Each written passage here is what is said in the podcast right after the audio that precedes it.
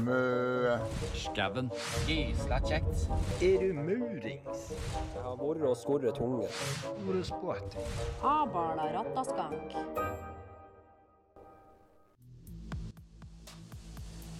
Er du fysen på en snasen tatovering? Er du bare glad i kroppskunst, eller vil du ha et minnesmerke for livet? Ta en tur innom Family Tattoo i Drammen.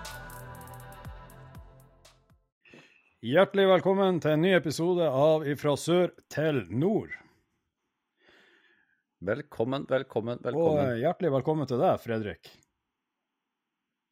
Takk for det. takk for det. Du, eh, du har jo levd et litt spennende liv, eller ikke et spennende liv, men du har jo i hvert fall eh, levd et liv. Ja, det kan du si. Hva det, Det jeg får ofte høre at jeg, at jeg er ung for alder. Jeg vet ikke hva man skal si, men eh, det begynner å bli mye. Ung for alder, faktisk. Hvor gammel er du? Ja, jeg er, er 25 nå om eh, ti dager, Dæven steike, altså. Ikke dårlig? så bare unggyplinger. Ja, ja, ja. Men du er like gammel som Andy, da. Bare valpen. Ja, Andy, du skal ikke Nei, spille noe. Ja. jeg er eldre. Du er ett år eldre. Jeg er Du er eldre? ett år eldre. Nei, jeg er snart to. Du er ett år eldre. tro meg. Bare Jeg blir 27, Nei, nei, nei, nei. Nå har vi, inn- nå, nå har vi gjest. Ro deg ned. You started it. Men ehm, Hallo. Fredrik, eh, hva, hva du har gjort da i livet ditt, i og med at du, eh, du har hatt et så aktivt liv? Det er jo Ja, jeg ikke Sånn kort om barndommen så ble jeg jo kalt for Duracell-kanin. Hadde jo så mye energi, og det var jo over alle hauger og hit og dit. Og jeg var i speideren i syv år. Eh, man skulle jo gjerne tenkt at ja, som Duracell-kanin er jo sikkert fint å ha på fotballbanen, og alt sånn, men eh, jeg var én time på fotballtrening. Jeg brukte 55 av de minuttene på å sitte og skrike i et hjørne. Så Fotball var ikke helt mye greier, kan du si. Kan, kan jeg spørre hvorfor i helvete du satt i et hjørne og skreik? Jeg, jeg vet ikke, det var bare en traumatisk opplevelse. Det var bare, det var bare kjipt. Det var bare ikke noe mening. Det var en ball der, og så var det masse folk, og det var ikke noe system. og- Ja, vet da faen. Jeg, jeg, jeg skjønner det. Jeg føler deg med deg. Så eh, jeg begynte på turen heller. da. Turn! Ja. I helvete. Ja, Så du har drevet på med turning, altså? Det er da det har det sprekt, litt utrolig, men uh, det var nok heller begrensa. Vi hang jo mest i, um, i ribbeveggen og prata skit, jeg og kompisen min. Vi gikk jo bare tidlig, tidlig barneskoletrinn, da, så det var jo ikke noe seriøst. Nei, jeg skjønner. skjønner. Hva um, og, og ellers, da, eh, nå når du er voksen, hva er det nå du driver på med? Eller hva, hva har du gjort når du ble litt eldre i alderen? Nei, jeg avanserte jo fra, fra speideren til folkehjelpa. Uh, og så ble jeg introdusert litt for brattere terreng, og ikke bare flatt fjellterreng. Fant ut at nei, faen, sånn her skikjøring og klatring, det var, uh, det var kult. Så da tenkte jeg at OK, jeg begynner på en maritim utdanning som, uh, som matros, da. Sånn at jeg kan få meg turnus og være på fjellet når jeg har fri, og så oppleve verden når jeg er på jobb. Eh, Så jeg gikk eh, teknologi og industriell produksjon på VG1 og maritime fag på VG2. Så tjente jeg to år da som lærling i marin på fregatt. Eh, fun fact, jeg malte faktisk skutesida til den båten som sank, altså Helge Ingstad.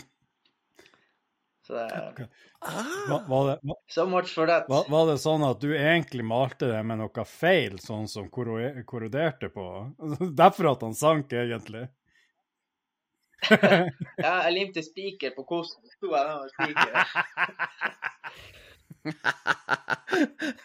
Her får vi innrømmelsen på strake armer her, altså. Dette her er, eh, dette er heftig. Her har vi, her har vi grunn. Nei da. Her er grunnen. Ja, Der også var det eh, to, to flotte år i, eh, i marin. Eh, Så ja, det er jo et kapittel i seg sjøl, det. Så var jeg ferdig der.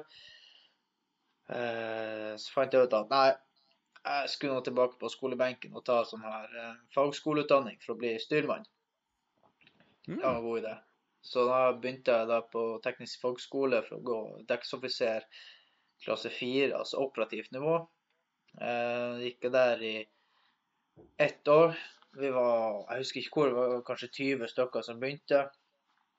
Altså Etter hvert så datt jo folk av, og så var vi syv stykker som strøk på lasteeksamen for, for andre året.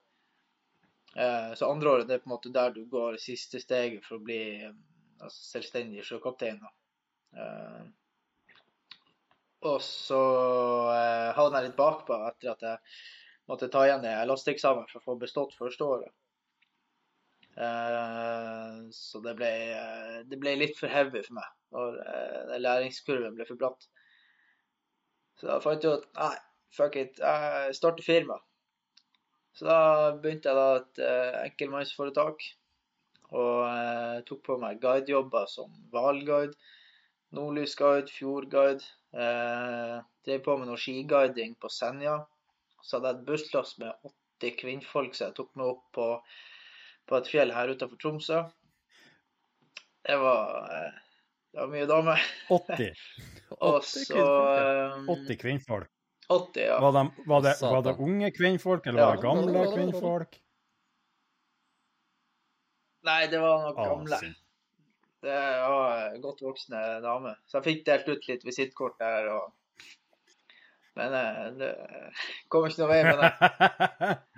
Jeg så jo, jeg så jo business her, vet du. Det var jo ei, ei stor yrkesgruppe. Det var jo seminar og greier her i byen, så de trengte en sånn aktivitet på dagtid. Så var det en kompis av meg som ringte, som også har uh, driver guidevirksomhet. Spurte om jeg var interessert i å være med og ta halvparten. Så jeg fikk 40, og så tok han 40. Så det var Mm. Jevn fordeling. Er det god business med å være guide? Ja. Ja, da, i det selskapet som jeg var, så uh, jobba jeg på timelønn, og timelønna var ikke så himla bra. Uh, så det var ikke sånn Det var lange dager. Det var jo Jeg kan være på båten i åtte-tida, så var vi tilbake igjen i fire-fem-tida. Så er det to timer pause, og så begynte planleggingen for uh, nordlyscruise i syv-tida. Så var vi tilbake der i elleve-tolv-tida. Så det var akkurat samme dagen etterpå. Så det var jo det var lange dager, og de omsatte vel for 200 000 om dagen eh, på den båten som jeg jobba på. For hver, eh, hver passasjer hadde i overkant av 1100-1200 kroner eh, inngangspris, og så hadde vi 160 gjester eller noe sånt da, eh, maksimalt per tur. Ja, 140-160 der høyere. Så var det full båt, så var det jo full båt på litt over 200 000. Dæven steike ta. Ja, ja. Holy shit. Jeg hører hva jeg skal begynne å satse på. Og hvis man Ja, og hvis man eh, guider mm, i fjellet, eh, så kan du Du kan komme unna ganske mye ansvarsfraskrivelse med, eh, med å si at ansvaret er på dem, og du har ikke noe med det juridiske hvis de blir skada. Alt er på, eh, jeg på egen hånd. Men du står for opplevelsen og, eh, og gjør gode vurderinger. og si, eh, tar dem inn på de her vurderingene på skred og sikkerhet og sånn her.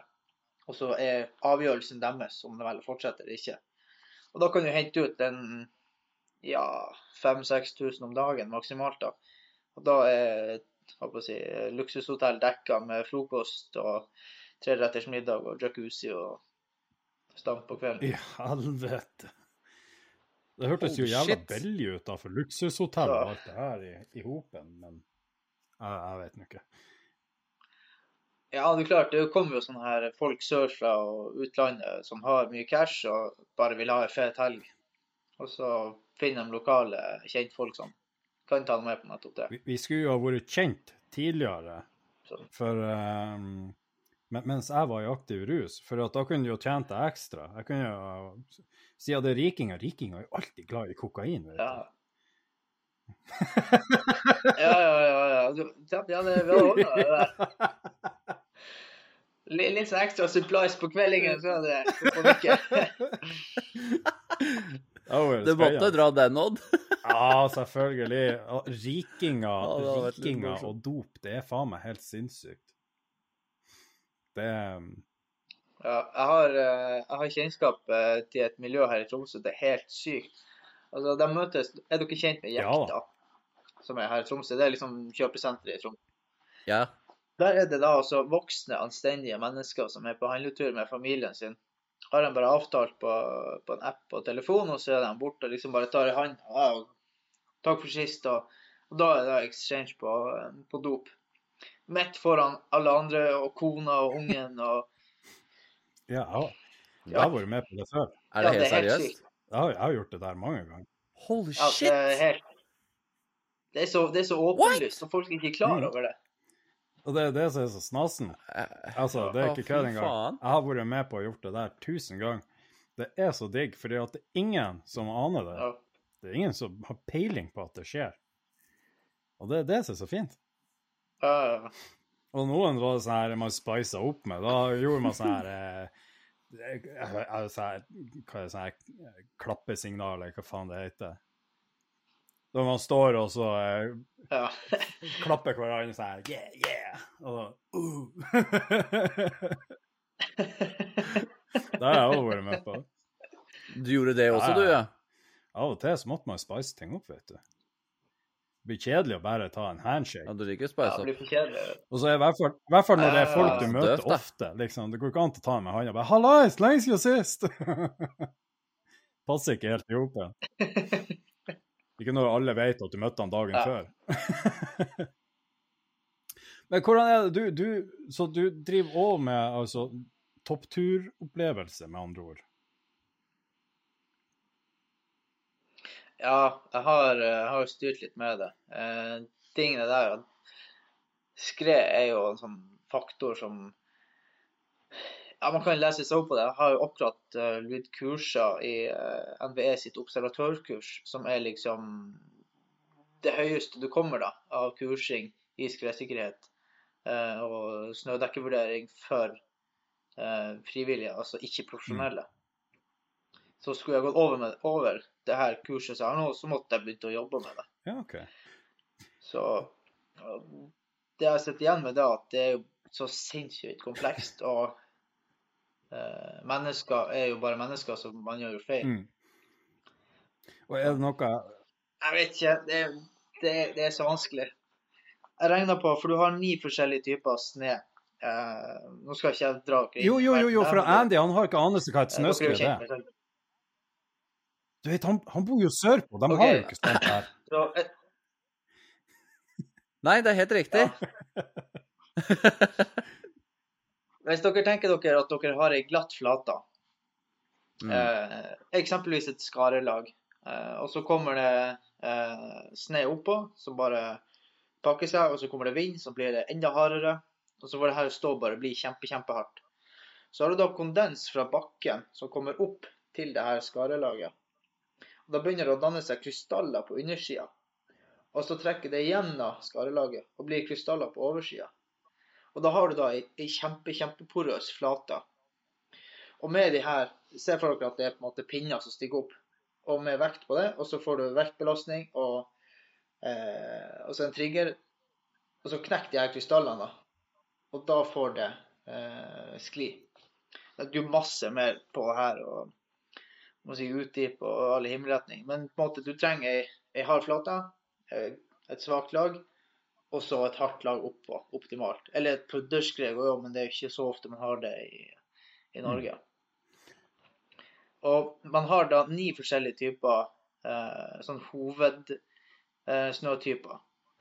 og hvis man regner ut kombinasjonen på de her, så er det på underkant av 400 millioner typer kombinasjoner. Og da har du ikke tatt høyde for at det er gjentagende lag. F.eks. hvis du har islag to ganger, eller skarelag tre-fire ganger.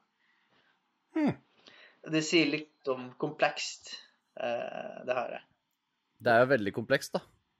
Ja. Ut ifra det du forteller. Herre min, Men så mange forskjellige typer snø. Jeg er bare vant til et par få, jeg, for det er sånn Odd sier, jeg bor nede i sør. Her har vi ikke så mye snø. Nei, nei.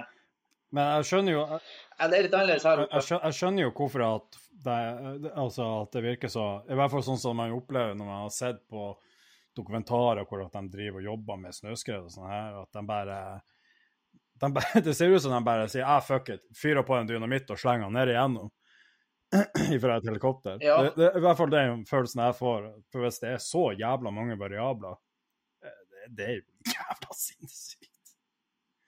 Det, altså, det er Herregud. Men eh, visste du, jo visste du at der dør hvert år noen i Tromsø av snøskred? Det Eller Tro- Jeg kan ikke si at jeg veit det, men eh, det vel gjerne. ja, hvis, du sier, sier Nord-Norge, så eh, det, altså, det, det forundrer meg ikke at det, det skjer, men jeg kan ikke si at jeg visste det. Det kan jeg ikke si. Nei, for dere har jo et, et fjell utafor Tromsø. Det er vel nærmere Nordkjosbotn, tror jeg. Hva tenker på? Du, jeg husker ikke det. fjellet. Jeg har mange fjell nær Nordkjosbotn. Ja, det, der er ett fjell jeg syns det står hvert år i avisa om at det er noen som har dødd i et skred i det fjellet der. Og det er jo gjerne utenlandske turister som har daua der. Eh, Vi har ikke et sånn her eh, Vi har ikke en trend i et fjell, det kan jeg ikke si at vi har. Men uh, vi har jo en kjent aksjon fra et fjell i Tamokdalen, som er en halvtime unna Nordkjosbotn, der det omkom uh, uh, tre finlendere og en svenske i 2019, var det vel. Mm. Det var en ganske sånn lang, langdragende aksjon. Vi holdt på der i, i to måneder. Det ble flydd inn Decibel for å prøve å løse ut skred. Det ble gjort uh, vurderinger på skredbaner, og fant ut at det var ingen trygg vei inn eller ut. Så alle som ble flydd opp, måtte ha uh, nok med seg i sekken for å kunne klare, kunne klare seg over natta. Oh, shit. Man, var ikke, man var ikke garantert en vei ut hvis man først var der oppe. Men var du med på den, da? Det, det søket Oh, Ja. shit. Ja, for Ja. de var jo døde når dere fant dem. Fy faen. Den var veldig død. det er Veldig død, faktisk. Ja. Det var, Var du, altså, var du en av dem da som fant? Jeg vet ikke om det er greit å spørre, men var du en av dem som klarte å finne en av dem? jo da. Ja, jeg var med å finne, finne to av dem. Eh, og så mista jeg så vidt utgravninga på, den, eh, på den tredje. Eh, men jeg var blant de seks første som ble flydd opp eh, første dagen vi kunne jobbe der. Eh, da hadde de egentlig fått signal på eh, sendemottakeren, som er den her eh, elektriske greia som alle kjører med når de har ski, som sender ut signaler. og Så kan man da finne de signalene etterpå hvis man blir tatt i skred. Pluss at man hadde treff på, på søkestanga. Så vi flydde egentlig opp, og så gro vi ned Jeg vet ikke hva det kan ha vært, to, to og en halv meter ned. Og henta ut første person. Oh. Hvordan var det å finne disse personene? Det må ha gjort noe med Det gjør noe med deg å finne personer døde under et skred? Ja, men du kan si jeg har jo, altså Før den tid så hadde jeg vært borti eh, caser med ja, mellom 13 til 15 omkomne, noe sånt. Å, herre. Så eh, jeg var annet med på den helikopterulykken utenfor Turøy. Det var det, var det 13 personer som omkom, hvis jeg ikke husker feil. Hva, uh, var, var, nei, det var ikke den der whiteout-hendelsen, eller hva det kaltes. Nei, det var rotoren, rotoren som løsna, Ja! så gikk den i Ja, bakken. fetta, den der, ja. Ja, Mm. ja hvordan, hvordan føles det egentlig for deg? Altså, hvordan opplever du det For å gjøre det enklere, hvordan opplevde du det første gangen når du fant en død person? Hva, hva, opplevde du da? In, inni deg? Um, ja, nå kommer det, nå kommer det graf, grafisk eh, eh, Jeg håper å si grafisk eh, informasjon, så viewers discretion is advised. Um, det jeg satt igjen med i Bergen, var vi var veldig godt forberedt på det. Um, så at eh, Vi fikk jo melding at eh, det var sett likdeler i vannet, og at det her ble stygt. da. Eh, og det jeg var borti, var egentlig mindre sånn kjøttbiter og, og store mengder blod og, og saltvann. Og det jeg satt igjen med da, var egentlig en sånn følelse at jeg klarte ikke helt å sette det sammen, at det hadde vært et menneske. Hvis det gir mening. Ja. Mm, absolutt. For ja, så det var liksom eh, Mye av min jobb bestod av å eh, rengjøre båten som var brukt av eh, de legene og sykepleierne som var om bord, eh, til å hente opp likdeler og legge det i, i, i sånne her eh, bodybags og sende det til fastlandet. Eh, så det var jo ja, kjøttdeler og blod overalt. Så jeg vet ikke, eh, det ga meg litt assosiasjoner fra da jeg, da jeg var på fisketur med farfaren min da jeg var yngre. For da var det òg mye sånn her blod og saltvann i samme, eh, samme røkla, holdt på å si. Mens det det så ut som, altså kjøttbitene, var jo makrell i tomat. Så jeg skjønner på en måte hvorfor man kaller det makrell i tomat, kan du si. Det er- wow. Uh, den der så jeg faktisk ikke komme med. Nei. Ja, det så ut som du tenkte før du fikk masse tanker i huet. Når han fortalte om det makrell til mat. Noen har jeg fortalt det. ja, det så ut som han datt ut. Ja, det ligner, det ligner veldig. Ja, det ligner, det ligner veldig. Det gjør det. Å, fy. Um, nei, men følelsen jeg fikk var egentlig sånn ukomplett, egentlig. Um, jeg, kommer, jeg kommer tilbake til det etterpå med tanke på skreaksjoner. Um, men jeg fikk liksom ikke et bilde at det var et helt menneske. Så jeg hadde på en måte hadde ikke noe å assosiere det med. Uh, men det var veldig fint å, å ta del i det, for det er jo noe som, som må gjøres. Og da hadde jeg jo allerede vært på Svalbard uh, noen måneder tidligere på det skredet som gikk gjennom de husene og rydda opp der. Og det så ut som et uh, For dere som gamer, så Call of Duty-map. Mm. Det var det, Ja, det var krigssone, rett og slett. fy faen.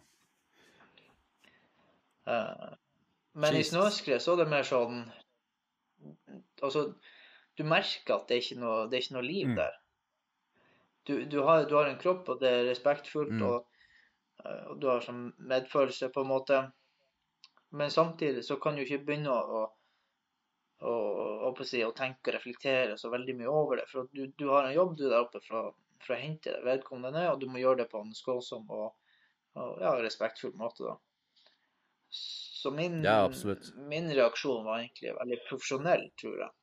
Ja, altså, men Ja. gjør det ingenting med deg? Er det ikke sånn at det går innpå deg på et eller annet tidspunkt at du, du har faktisk henta ut en, en, et dødt menneske som hvis hadde tatt uh, sine forholdsregler, hadde faktisk vært i live ennå? Eller er det sånn at det er noe som Jo, går forbi da- deg bare?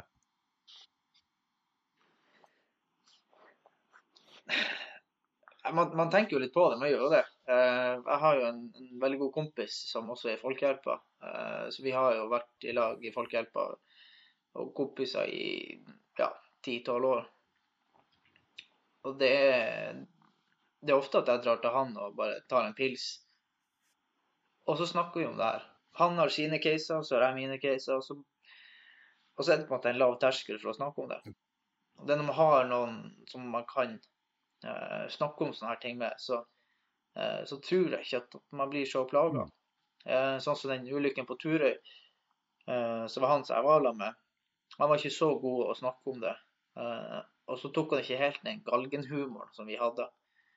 Og det gjorde at han var eh, han var sykemeldt i en måned eller to etterpå. For at eh, det gikk innpå. Og det er helt greit. Altså Folk reagerer forskjellig, og det må man bare akseptere. Ja, absolutt. Eh, skulle selvfølgelig ønske at man kunne plukka det her opp tidligere og, og, og, og hjulpet han, men um, ja. Det er jo ikke det. Han fikk noe hjelp i hvert fall, og det er jo det Det er jo ikke bare bare å plukke opp med en gang. Og, men men uh, jeg syns jo det er artig at du sier uh, at Altså at du nevner galgenhumor. For, for Ja. det der er en ting som man hører ganske så ofte om eh, fra sanitetsfolk i militæret, f.eks. Spesielt i militæret. eh, av sanitetsfolk som har vært i Mm. krig hvor at de faktisk står og kødder om at eh, hvis de La oss si at de har en person som har fått sprengt av leggen, og det er noen kjøttbiter som henger, så når de skjærer av, så kan de stå og si at det er fin agn for fisk. Mm. Og, og den der galgenhumor, hvor viktig den er som en del av forsvaret for å kunne eh, opprettholde en viss syke. Ja. Det er nok med på å normalisere situasjonen litt. For som eh, si, frivillig redningsmannskap, så blir man tatt fra en arbeidssituasjon og satt inn i det som man kanskje vil kalle en ekstrem situasjon. Så det, er ikke, det er ikke vanlig for folk å dra før jobb, plukke ned en som har omkommet på fjellet, og så dra på jobb etterpå. Det har jeg gjort eh, to ganger nå siste året. Oh, wow. Andre folk klarer ikke å relatere til den da, når jeg kommer og setter meg og tar, eh, tar nikaffen, og de lurte på hvor jeg var da de begynte på jobb. Og jeg må liksom ja, Nei, jeg var og henta en som var omkommet på fjellet. Sånn og sånn og det og det. Sånn at, det å kunne ha det humoraspektet der ute er med på å normalisere det og bearbeide det på en god måte. Føler jeg i hvert fall. Det er veldig individuelt, og mange er jo veldig sånn OK, vi må være respektfulle og ikke, ikke kødde. Og ja, jeg ser den. Men så lenge det ikke er pårørende til stede, eller pårørende som kan se eller høre det vi gjør og snakker om, så tenker jeg det er helt innafor å, eh, å ha en lett tone. For hvis vi skal være dystre, så vil det gå mer inn på oss, tror jeg. Jeg tror, òg at Ja, det vil være mye helt hardere å gjøre det arbeidet der med å ha en tung tone. Eh, Ja. Men, men altså, nå Det vet er jo alle det tungt at arbeid òg. Ja. Og alle vet jo det at hvis du har Altså hvis du blander humor inn i noe som, som eh, er så alvorlig som så du gjør, eh, så, og man kan flire, så klarer man jo å utløse endorfiner samtidig som at at, man, at man er oppi en sånn Det jeg vil kalle en fucka situasjon, for det er jo en fucka situasjon. Ja. Og jeg jeg er jo enig i at så lenge, så lenge ingen som er pårørende får nyss i at man står og kødder, eh, så hva, hva er problemet, tenker jeg. Ja, altså jeg, jeg kunne snakka veldig veldig lenge om eh, flere caser med eh, si, uheldige eh, konversjoner over sambandet som pårørende har forhørt. Men det som er også veldig frustrerende, det er de journalister når de kommer. Hvis du da har et, en, en sånn nødnetterminal på, eh, på skuldra, så er de med en gang borte og liksom ja, hva, hva som foregår, hva som skjer, hva, hva snakker de om? For å prøve å få med seg. Og det er veldig kynisk. og Eh, Jeg tenker i hvert fall at det er respektløst. Vi, vi er der for å løse et oppdrag. Vi har ikke lyst til å gå ut med informasjon før innsatsledere for politiet har uttalt seg om Mm. saken. Så ja, jeg skjønner jo at de har en jobb, og de vil være først ute med diverse informasjon og sånn. Eh, Men det når du går og liksom prøver å jobbe med alt det eh, ja, walkietalkiene og greier du har med deg, og nettbrett med kart og greier, så de ikke skal se noen ting eller høre noen ting, så, så mister du på en måte litt fokuset. Eh, Det blir sånn her ekstra moment som du egentlig ikke har bruk for. Jeg håper vi har noen journalister som hører på det her. Ta til dere! Gi faen! Helvete heller. Jeg, jeg, skjønner jo, det er jo deres jobb. De skal snoke, og de skal ditten og datten. Men kom fuckings on. Ha nå litt respekt for andres arbeid. Ja, det, jeg kunne ikke vært mer enig i det der. André, du nevnte det her med tungt arbeid. Ja, stemmer.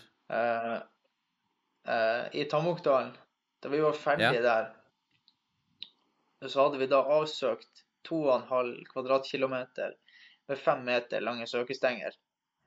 Og de søkestenger, okay. de er ikke aluminium, de er i stål. Så de er sånn der, du må skru sammen stengeren, og så må du da liksom dra hele opp, og så stikke ned. Og da er det tre punkt fremfor deg, med 50 cm mellom hver, og så er det Ok. 70 cm.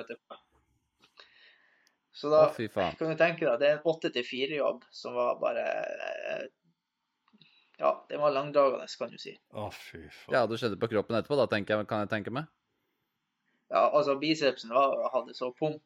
Og da jeg liksom kom inn i helikopteret, så satt du der og bare Åh, skal det godt å komme ned. Hvor, hvor mange diameter diameter er det er en sånn søkepinne?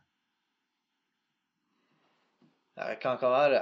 Eh, en og en halv, kanskje, de, de tjukkeste. Mens de kameratredningsstengene er fra 1 cm og, og, og, og tynnere. Men det er jo da aluminium igjen. eller karbon, så de er jo relativt mye lettere. Men da igjen så tåler de ikke å jobbe så lenge i, i skredmasse. for Det er jo beinhardt. Altså, vi har med oss spisspader som vi vanligvis måker jord med opp. Uh, og kanskje hvis vi rekker å få med oss hofle for å få unna snøen. Å, fy faen. Mhm. Og tenk deg oppe i Solmegauset, så måtte de ned åtte meter. Åtte! Det er ganske langt. Åtte meter? Åtte meter. Det er jo faen meg mer enn hva et hus er på høgde. Det er ganske langt ned i snøen. Satan. Fucking shit. Mhm. Ja, da hadde de, de var jævla gode å stake. Ja, du vet, du når ikke. Så du har liksom bare den her lille søkeren, så har du et tall som kanskje sier åtte eller ni, da, ned i snøen. Så må man liksom bare prøve å, å, å finne sånn cirka, begynne å grave, og så stikke underveis. Shit. Å, fy faen. Ja, ja, nei, jeg vet ikke hva jeg skal si, unntatt fra at uh, jeg er glad det ikke er jeg som står og stakker. Ja, fy faen, altså. Det, nei, det var Det var langdragende aksjon. Har du sjøl opplevd noen gang å nesten bli tatt i snøskred? Nei, jeg har hatt to sånne her sånn ubehagelige opplevelser. Bare sånn OK, nå, jeg burde egentlig ikke vært der, men akkurat her så går det greit. Og det ene, ene var rett bakom folkehjelpshytta. At det var en sånn skikkelig skredvinter. Det hadde omkommet to stykk i løpet av ti dager. Og så var det gått litt sånn forskjellige skred rundt omkring. Eh, For dem som kjenner Tromsø, så har du rein skole på fastlandet. Det var det året eh, det ble to sånne skredbaner ned bakom skolen. Og Der har de laga sånn skredvoll med sånne sukkertopper bak for å forhindre nettopp snøskred. Eh, Det var et såkalt 100- eller 1000-årsskred. Det er sånn veldig, veldig sjeldent at de går. Eh, Så da hadde de eh, Ja, det var ingen som var tatt da. Men de forholdene som var der, var så ustabile og sketchy at det var helt sykt. Blant annet så var det 1,5 km med skred som gikk i, i en dal som heter Kattfjord, eh, eller Kattfjordeie, som er ute på Kvaløya. Og det var bare massivt. Så da var vi da oppe på folkehjelpshytta i Tromsdalen og fant ut at nei, vi skal ut og kjøre litt ski. Og vi hadde jo skredkurs og, og utstyr, så vi tok på oss og begynte å gå. Så fant vi ei side som var litt Det var litt lite snø på toppen, så vi tenkte at OK, her, eh, her er det nok greit. Så fulgte vi en sånn slak rygg opp, og så til slutt så ble det så, så kupert med steiner at OK, vi må inn i sida. Så kommer vi inn i sida, og så er det ja, det er gode 30 grader der. Og så får vi Vi er fire stykker, da. Så får vi sånn uff, Og det er sånn her Det er ikke bra. For da er jeg tilbake til det her, det laget som jeg snakka om. Hvis det kollapser, så begynner det å skli. Og i stedet da bare siger sammen, så får du det voff. Oh shit, det der har jeg Oh, opplevd tusen ganger! Å, fy faen. Ja, oh, det er litt jævlig å tenke på. gikk det Det, det gikk noen pærer opp i huet nå, altså. Som med andre ord, det er det, Ja, da ja. det er risiko for at det der bare fyker, med andre ord. Å, fy faen, hvor mange ganger jeg har vært nesten et snøskred. jeg. Har ikke tenkt over det. Å, herregud. Altså, jeg, jeg, man gjør jo ikke det før man hører det sånn her nå. Nei. Jeg har opplevd så mange ganger jeg hører bare. Og det er akkurat sånn at du kan òg kjenne på en måte lufttrykk eller noe. Jeg er ikke helt sikker hvordan man skal forklare det, der, men du kjenner at det er sånn et trykk som bare lages. Ja, du, du, kan, du kan se eh, luftstrømmen Ja.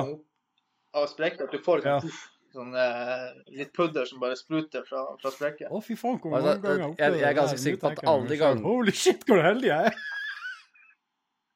Ja, herregud, jeg kommer til å, jeg, jeg kommer til å se til dette er hver gang jeg, jeg går på fjellskred eller går på ski eller noe. Jeg kommer til å prøve å legge merke til det hele tida. Jeg kommer til å være helt paranoid, vet du.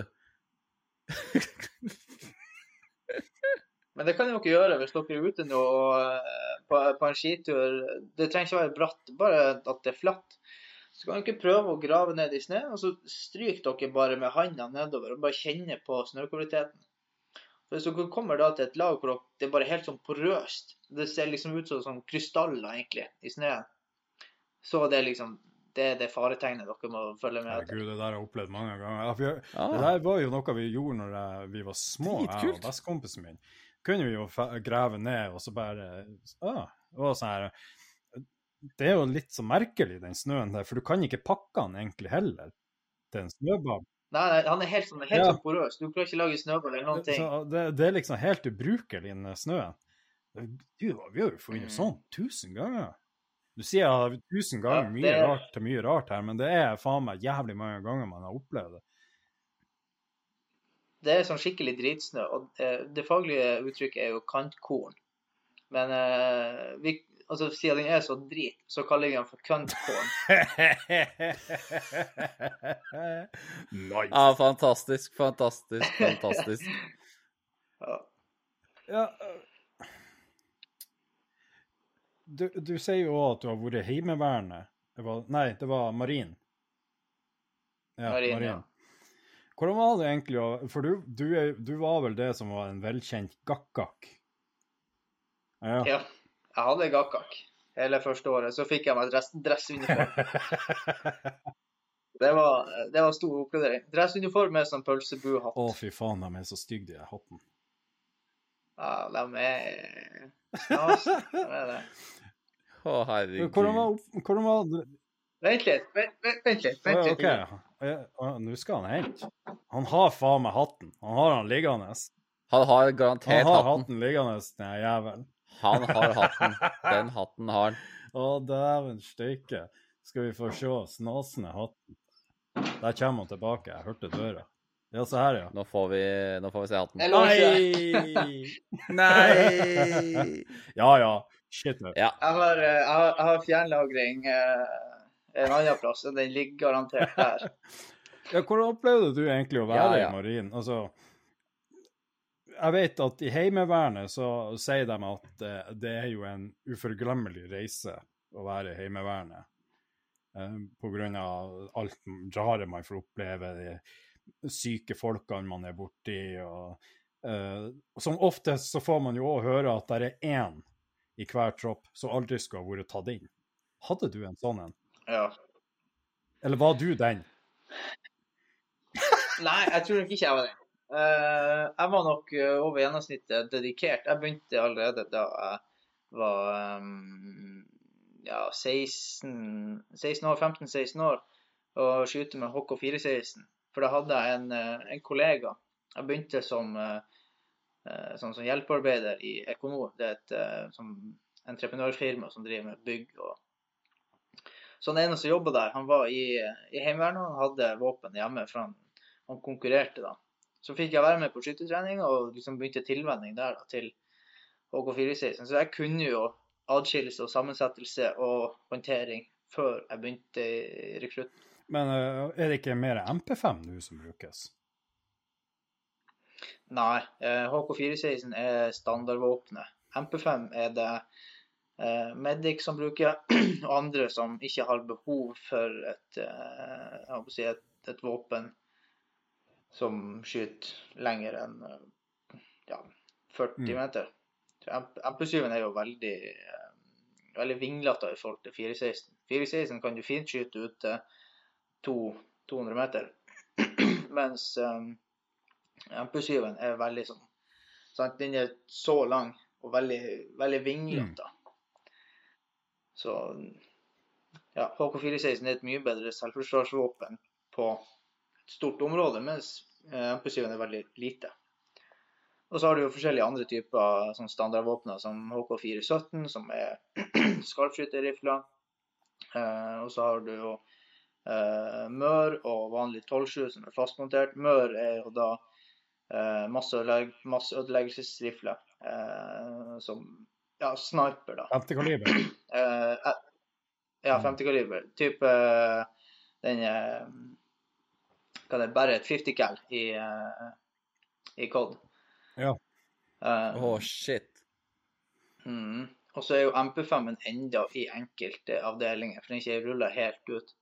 Uh, den er bedre igjen da enn MP7, for den har et lengre løp og klarer å skyte lenger. Og så er det jo M72 som er den der eh, klikk-klikk, drar ut, og så har du Ja, Sånn liten Bazooka. launcher.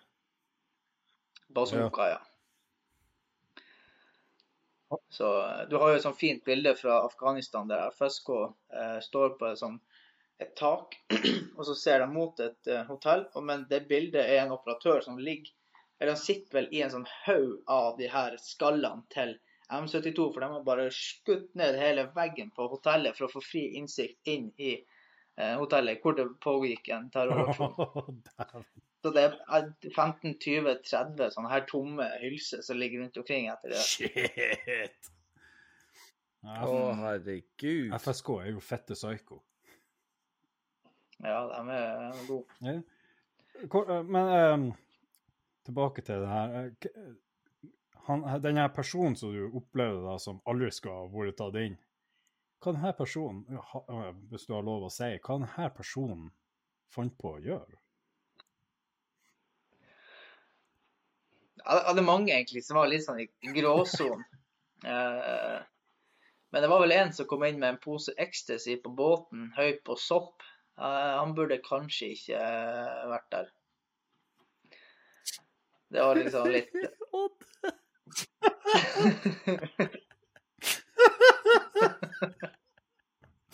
Å, fy faen. Åh. Jeg lurer på hvor Og han ble ikke kasta ut? Ja, han ble kastet ut, ja. Eh, vi så han bare på kveldingen da han kom tilbake, og dagen etterpå så måtte han pakke tingene sine. Da var han oppe i arresten til MP. Ja, for de der, de, de som kommer Å, inn og er rusa, de blir jo Først er det jo MP, så er det politianmeldelse, hvis jeg husker rett. Og så er det Ja da, det blir eh, si, Så lenge det er i militæret, så er det MP. Men er det en så stor sak at det går utover militæret, som f.eks. narkotika, så blir det en sivil Mm. Ja.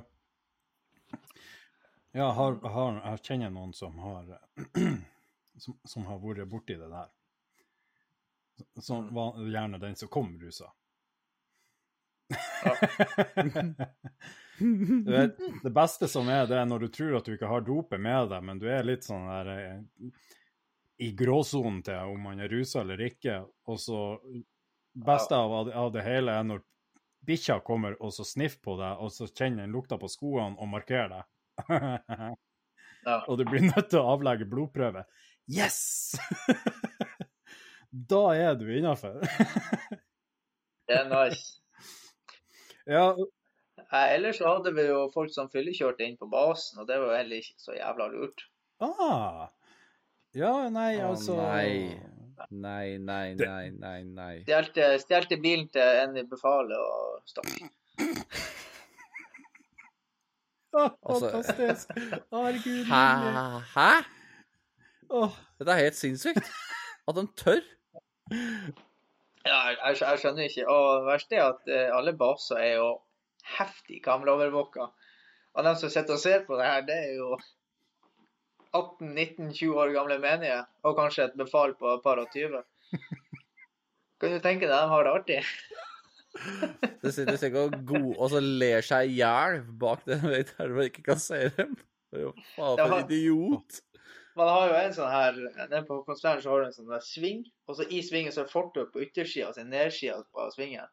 Ja. Så var det en sånn betongkant som går, eh, sånn for at biler ikke skal kjøre inn i eh, Den er kanskje en halvmeter høy eller noe sånt. Og så har du da en sånn syklist som kommer sånn her, ganske sånn heftig vinglete ned. Og så er jo denne svingen. Så han kjører i gjerdet og flipper over på den stjelte sykkelen til en av de arbeiderne som jobber der, og utover og utover. Helt Ja, kaos. fantastisk. Det her er, ja, det der er sånn som burde Altså, sånne ting som blir tatt opp, Det burde vært filma. det er jo filma. Det er jo på en Det er jo filma, men det er jo ikke Nei, men det burde bli det. Dum-dums in the det er sånn army. fail army-greier, dette. Ja, ja, ja. ja. Ah, fantastisk. Herregud, hvorfor, Fy faen, det var gøy å ja, se. hvorfor, hvorfor kan ikke sånt bare bli releasa? Please, vær så snill. Det er så bra. Du, du får sende inn en søknad, vet du, Odd. Ja, ja, den søknaden der, den blir med en gang eh, Den blir bare brent. Ja. Jeg tror ikke de blir å gjøre det, men, men noe i den duren blir det nok. Eller så får man bare et nei tilbake på et ark. Med vennlig hilsen Marin, eller Forsvaret. Reelt sett, tror jeg, tror ikke Forsvaret Nei, ikke sant. Det er nok der det ligger. Ja. Ja. Men Du har jo hatt et veldig spennende liv, og jeg må jo bare si tusen takk for at du har uh, kommet hit og deltatt eh, og fortalt da. Og det var jo veldig fint egentlig, og det å kunne høre om, om det her med snøskred. Eh, og så, Det er helt enig så var det faktisk veldig fint å få høre om, om opplevelsen til noen som er faktisk med på de her aksjonene og skal redde dem som, som har dødd. Det er jo veldig spesielt. Men én ting jeg lurer på. Har du, har du vært med på en aksjon hvor dere har opplevd å redde noen og, som er i live ennå? Ja. ehm, jeg har en aksjon eh, som jeg vet Hvis jeg ikke hadde, hadde vært der, så hadde, eh, hadde det gått et liv. Og det var ikke et menneske. Var det dyr? Det var en hund. Ah, bra. Så eh, han sto altså eh, Fikk melding eh, Det var sånn eh, januar. Sinnssykt kaldt ute. Og, og klarvær, ganske fint vær. Men det var jo 20 minus. Um, fikk melding om, eh, om jeg kunne ta med meg et par ekstra stykker og stikke opp og hente en hund som sto fast på hylla. Jeg tenkte ja, det er jo greit. Eh, så kjører opp på scooter ATV, og så parkerer vi fremfor den klippa sånn hunden skal være. Så ser jeg en sånn bitte liten sånn skikkelse oppå en sånn hylle, 70 meter over bakken. Da sitter han der helt alene. Han kan ikke røre seg, han bare sitter og kikker på oss. Jeg tenker OK, det her kommer til å bli en langdragende aksjon. Så går det da rundt det her klippebåndet opp på oversida, og så lager jeg eh, feste der. Slenger ned tauet. Eh, og rigger klar med isøks og stegjern til å kunne liksom kunne komme meg opp igjen. Kommer jeg ned på det hylla, så ser jeg faen, her er det liksom en vegg med is over en stakkars hund. Så er det sånne lynghyller som jeg står på, som er kanskje 40 ganger 40 stor. Så det, det er ikke plass til at jeg kan stå på hylla engang. Så jeg kommer ned der, og så kommer hunden opp i ansiktet og overalt, for det er der det er varmt. Så jeg ser ikke en drit, for han er overalt. Og jeg klikker fast hunden så at jeg ikke eh, mister han. Så jeg har en sånn eh, krok som går fra min celle over i eh, båndet hans. Mm.